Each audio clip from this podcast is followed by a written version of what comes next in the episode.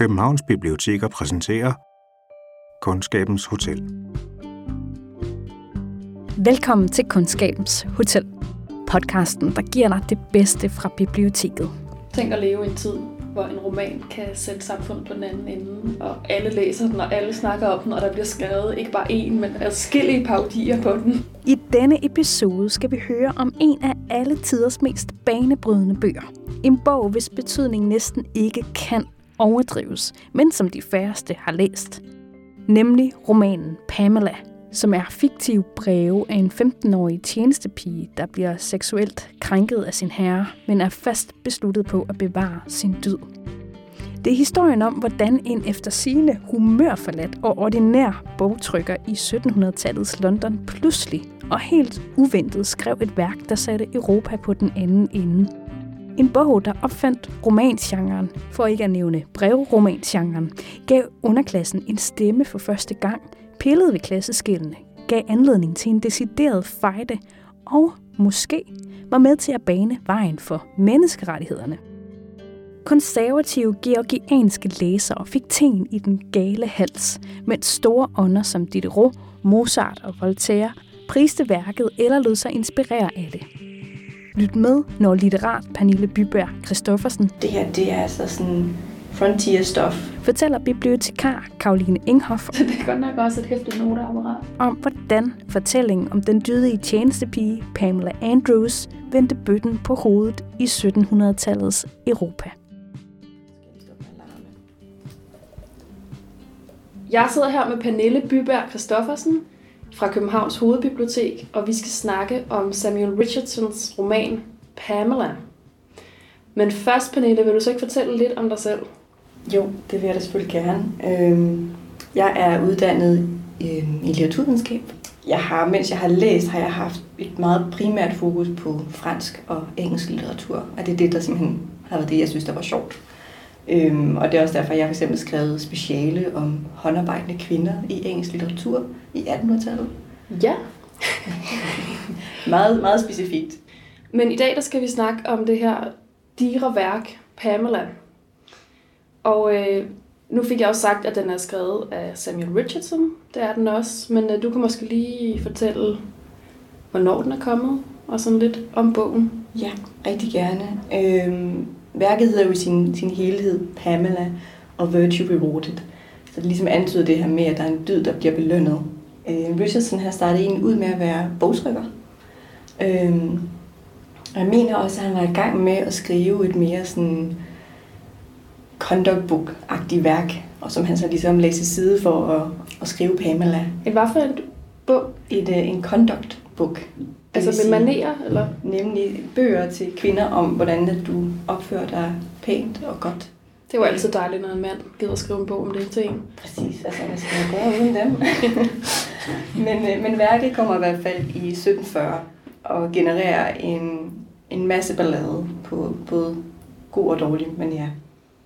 Ja, og den handler om Pamela. Og hvem er hun? Jamen, Pamela, hun er en øh, tjenestepige, som i starten egentlig er, er meget personlig tjenestepige til husets frue. Husets frue går så hen og dør, og så overtager sønnen huset. I starten er det uskyldigt nok, Jeg skal være din ven, og du skal reparere mine klæder. som Mr. B siger til Pamela. Men allerede 10 sider længere inde i romanen er den gal.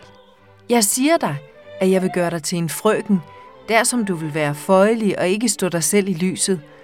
Og i det han sagde dette, tog han mig i sin favn og kyssede mig. Og det er så her, at balladen ligesom går i gang. Fordi Pamela bliver ligesom viklet ind i den her sådan meget romancelignende fortælling, hvor at husets herre, Mr. B, virkelig gerne forfører hende. Øhm, og det er ligesom det, romanen især vil så rundt om, det er de her forførelsesforsøg og Mr. B's meget sådan, dominerende libertinske tilgang. Om sider kom han ind igen, men ak, med et ondt anslag i hjertet. Han tog mig ved hånden og sagde, stå op, Pamela, du er din egen fjende. Dit dårlige, forkerte væsen vil bringe dig i ulykke. Det må du vide, at jeg er ganske fortørnet over den frihed, med hvilken du har talt om mig til min husholderske og til dine forældre, og det er lige så godt, at jeg giver dig virkelig årsag til at tale således om mig, som at jeg dog bliver udråbt af dig for det, som du kun selv bilder dig ind og pådigter mig. I det samme, da han sagde dette, tog han mig ved magt og ville sætte mig på sine knæ.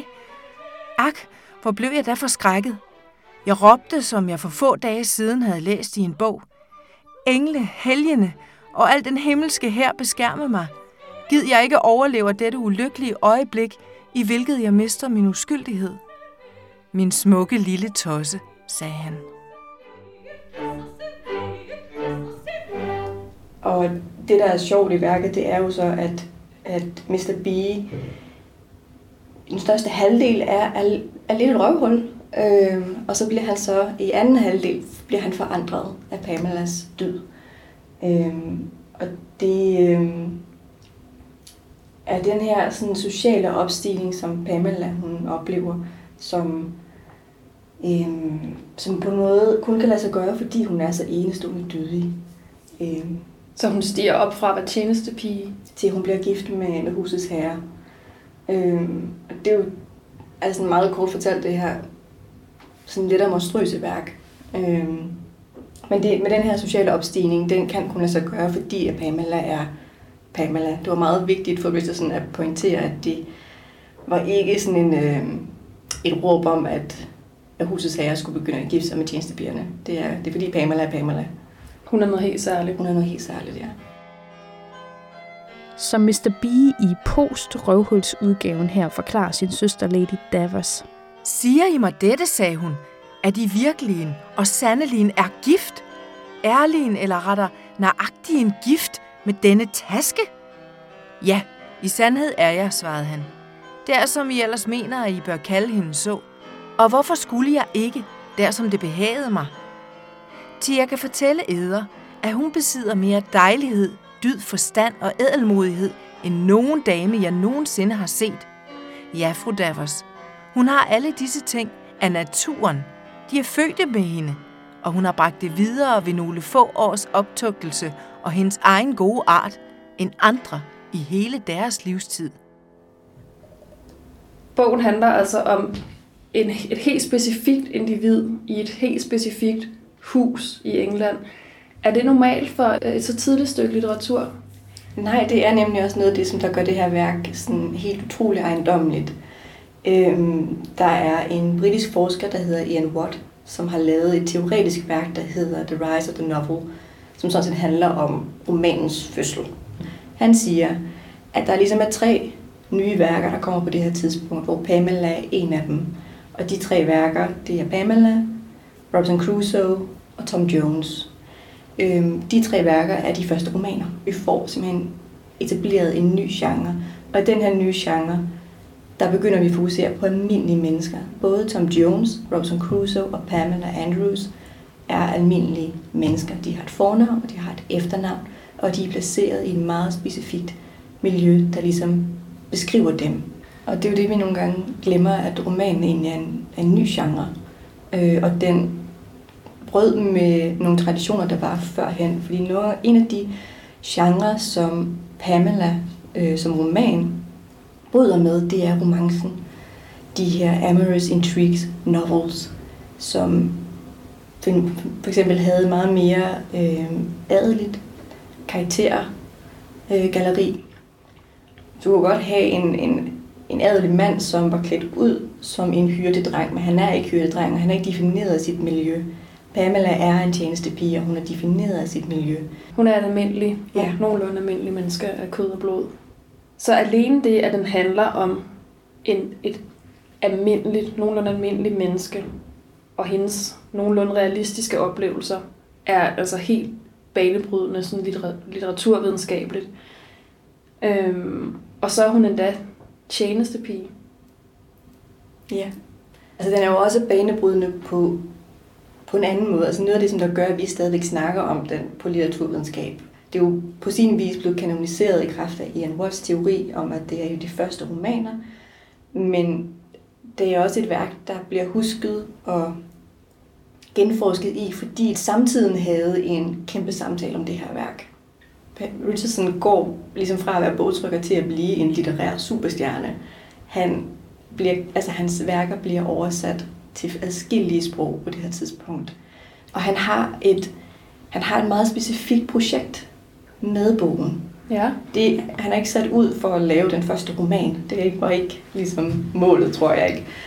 Øhm, men Richardson prøvede at ville gøre noget andet med romanerne. For du havde de her romancer, de her amorous intrigues, som jo er en genre, som handler om forførelse. Den handler om begær.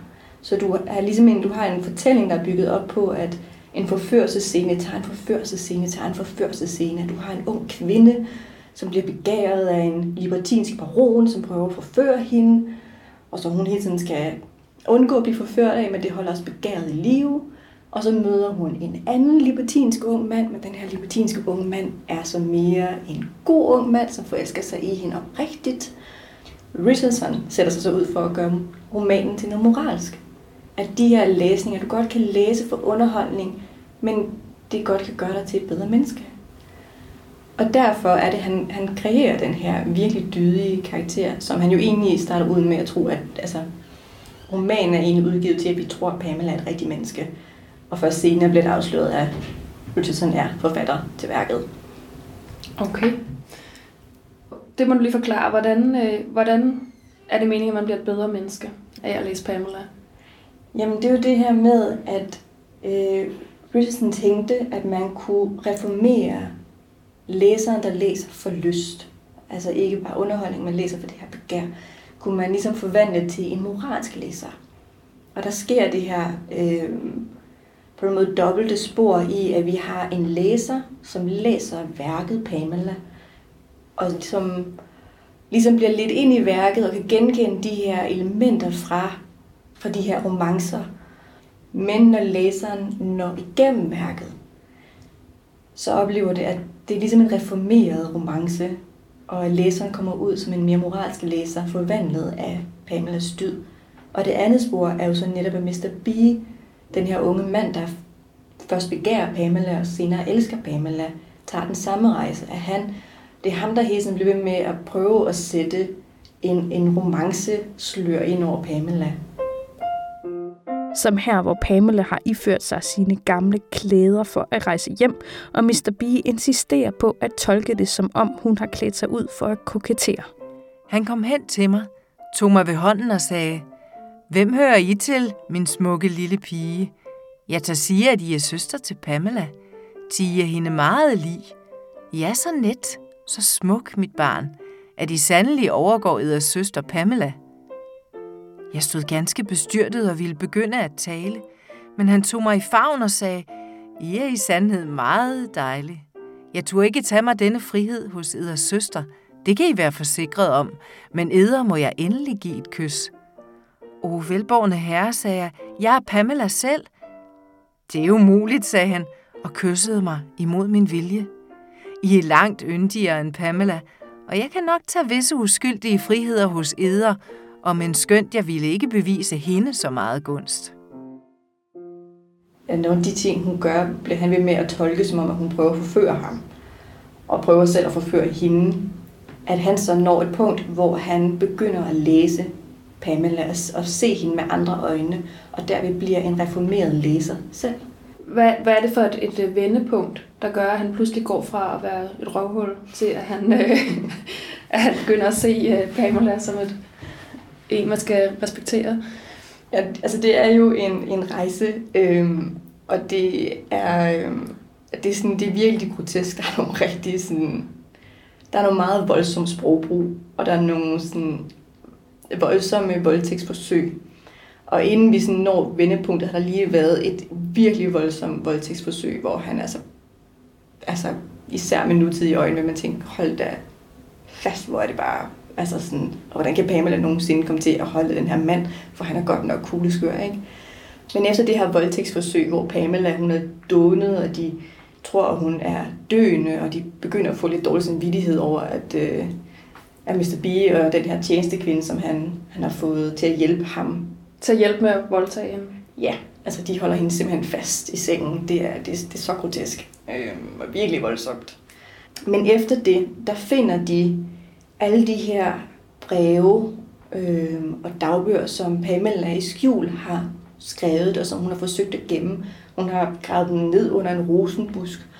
Nogle af dem, det er vist dem, de finder, og så får Mr. B senere hende til at udlevere de breve, som hun faktisk har syet ind i sit tøj. Øhm, der var håndarbejdet igen. Der var håndarbejdet igen, ja. Det er over det hele. ja. Men han finder de her breve og får simpelthen fat i dem. Og det er der, at forandringen ligesom sker, for nu begynder han reelt at læse Pamela. Han læser hendes ord, og han begynder også at se og læse de episoder, som han jo selv har gennemlevet, og nogle af dem, som han jo ikke har vidst, øhm, begynder han at læse med nye øjne. Den udvikling, Mr. B gennemgår, skinner igennem i følgende citat, hvor han læser om et af Pamelas flugtforsøg og går fra at se det som listigt til at blive dybt bevæget over hendes dyd og mod. Romanske pige, sagde han og blev ved at læse. Han var meget alvorlig, da han læste mine beretninger over den fare, som Gud havde givet mig kraft til at undgå. Og da han kom til den strid, jeg havde med mig selv, om jeg skulle drukne mig, sagde han, gak sagte foran. Han så så bevæget ud, at han vendte sit ansigt bort fra mig. Jeg takkede Gud for dette gode tegn, og jeg fortrød det endnu ikke så meget, at han havde set denne sørgelige part af min historie. Og det, det skildrer sig også lidt i, i netop i det sproglige i værket. Fordi førhen, når Mr. B ligesom har talt til Pamela, eller beskrevet Pamela, så har han været meget fokuseret på det, på det overfladiske. Han har fokuseret på, gud, hvor er det en smuk nakke, du har, kære Pamela, øh, fyldig barm, alle de her sådan, virkelig overfladiske ting.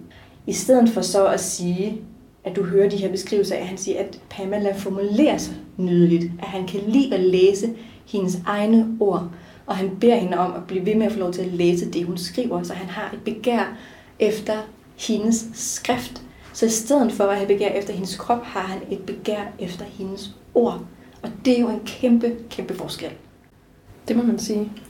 Men en ting, der jo ligesom er spændende, noget hun jo ligesom sætter en grænse imellem, det er, at vi har en tid, hvor vi går fra et feudalt livegenskab. Når du arbejdede for adelsmanden, så var du i hans vold. Du var hans ejendom til et mere moderne lønarbejde. Og det er også lidt det skæld, som Mr. B hele tiden prøver at ændre. Pamela får løn for sit arbejde.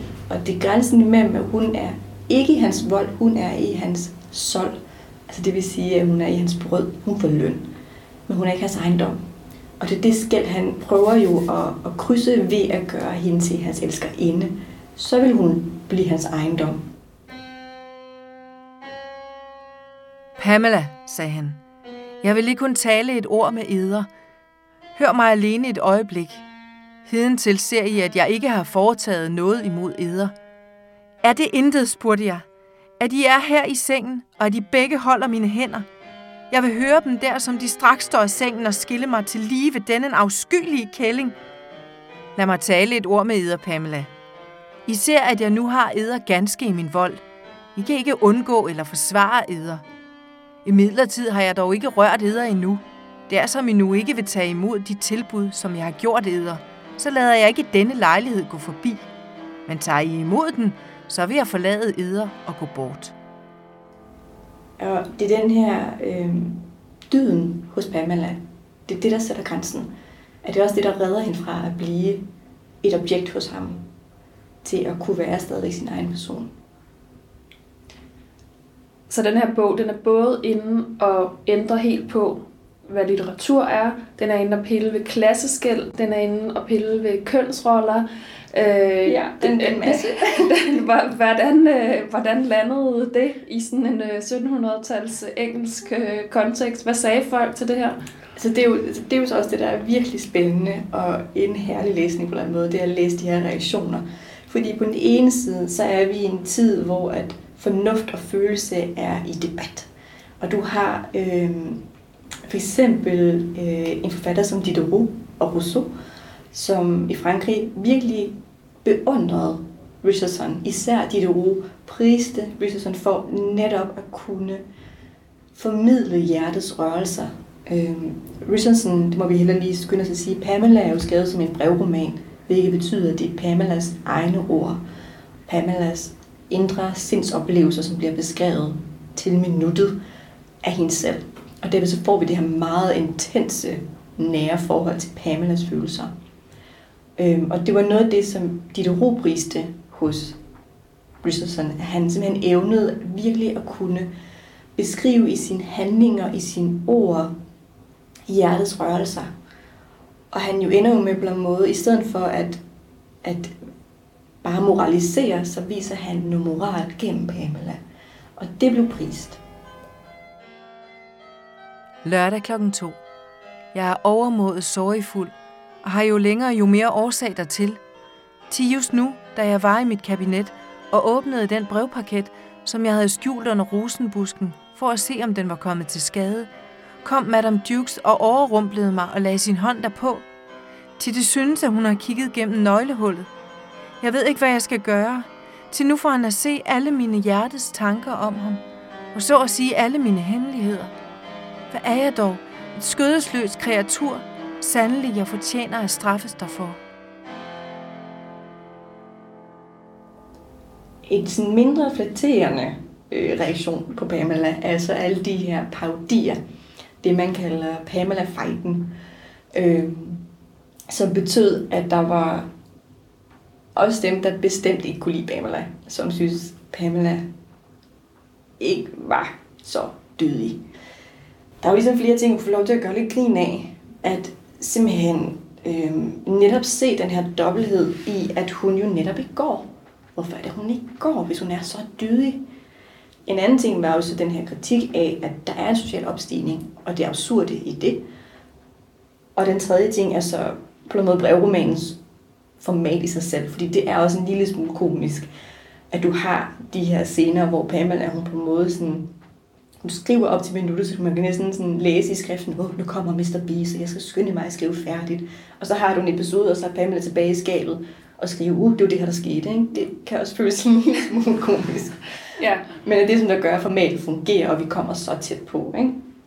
Men, men mere konkret, så, øh, så gjorde det simpelthen det, at du fik alle de her romaner, som romaner og romancer, som gjorde grin med Pamela. Du har øh, Eliza Haywoods Anti-Pamela, og Et værk, der hedder Anti det hedder Pamela. Anti-Pamela, Hold da op. og Faint Innocence Detected. Øhm, og hvor at hun gør, gør grin med Pamela. Og et af de andre værker, det er Fieldings Shamala, hvor det bliver afsløret af Pamela, så det ikke hedder Pamela, men hun hedder Shamala, og hun i princippet er, øh, når datteren prostitueret, der prøver at narre herren til at gifte sig med hende, og også gør grin med, øh, med brevromanen, så de er virkelig ikke særlig kønne ord om Pamela. Og den mis- måske mere sådan virkelig kendte, det er Fanny Hill af John Cleland fra 1749, hvor at du har en karakter, der hedder Fanny Hill, som får alt det, som Pamela får, men hun får det altså ikke gennem dyden, hun får det igennem at være prostitueret.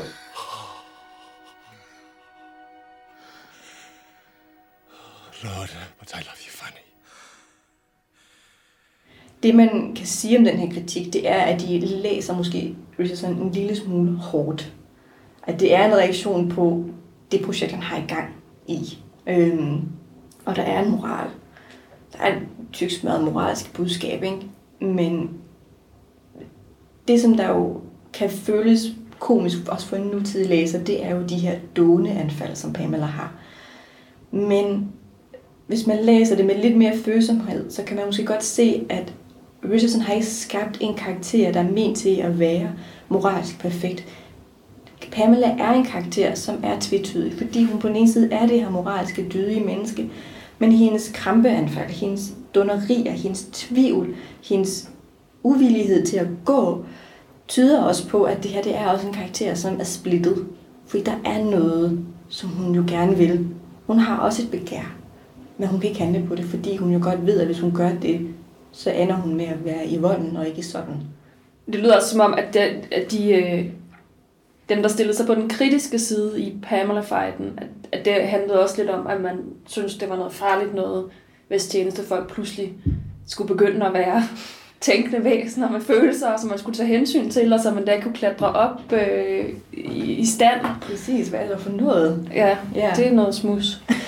Men, og, og det er jo også det, som netop gør, altså på den måde, der køber, køber jeg i høj grad Ian Watts' projekt, hvis vi får en langt tilbage i det her interview med, med The Rise of the Novel, at der er på en måde noget banebrydende i, at typer som, eller altså karakterer som Robinson Crusoe, Pamela Andrews øh, og Tom Jones får stemmer. Minimand får stemmer. Lige pludselig har du også et adeligt publikum, som læser bøger om et almindeligt menneske. Og det gør jo, at der sker det her stræk i empatien. Der er en virkelig, virkelig sej forsker, der hedder Lynn Hunt, som har skrevet det her værk, som hedder Inventing Human Rights, hvor hun taler om noget af det, som der går forud for, at vi kan få menneskerettighedserklæringen. Og hun fokuserer så på tre værker. Hun fokuserer på Richardsons Pamela, og så også det værk, han skrev efterfølgende, som hedder Clarissa. Øhm, og så fokuserer hun på Jean-Jacques, Jean-Jacques Rousseau's øhm, Julie. Og de minder nemlig ret meget om hinanden. De er bygget op på de her brevromaner og, og nærheden til læsning og en kvindelig heldinde. Og det hun siger er, empati blev ikke opfundet i det her århundrede, og vi har stadigvæk nogle virkelig rædselsfulde forhold for kvinder. Men noget af det, der alligevel sker, det er, at ved at du får de her romaner, du får et større læsende publikum, du får en adel, som læser mere bredt karaktervis, i forhold til ikke bare at læse om adelige mennesker, men læser om almindelige mennesker, så strækker vi empatien. Empatien kommer lige pludselig til at rumme ikke bare ens egen stand, men faktisk en stand uden for en selv.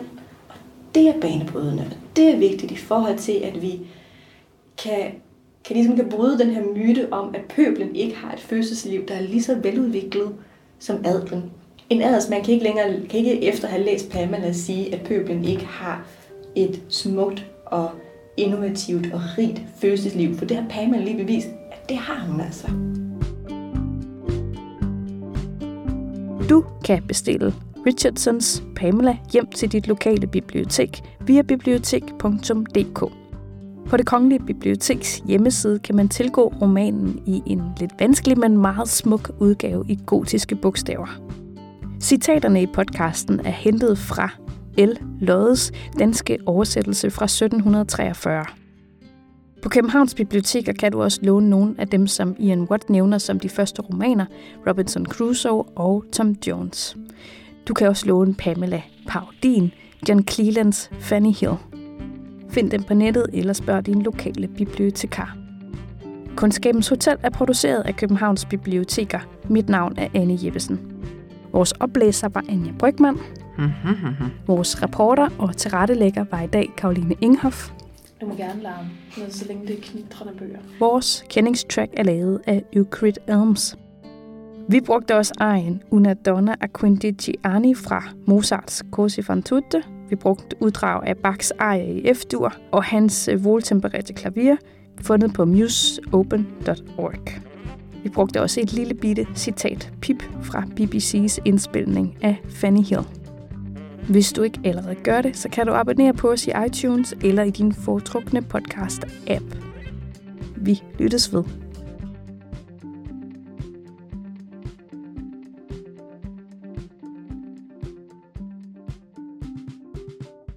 Skal du ud og begrave dine noter under en rosenbusk til eftertiden kan finde? Jeg kunne godt tænke, at det skulle godt tænkes. Men det er i hvert fald et meget nyttigt trick, man bør huske.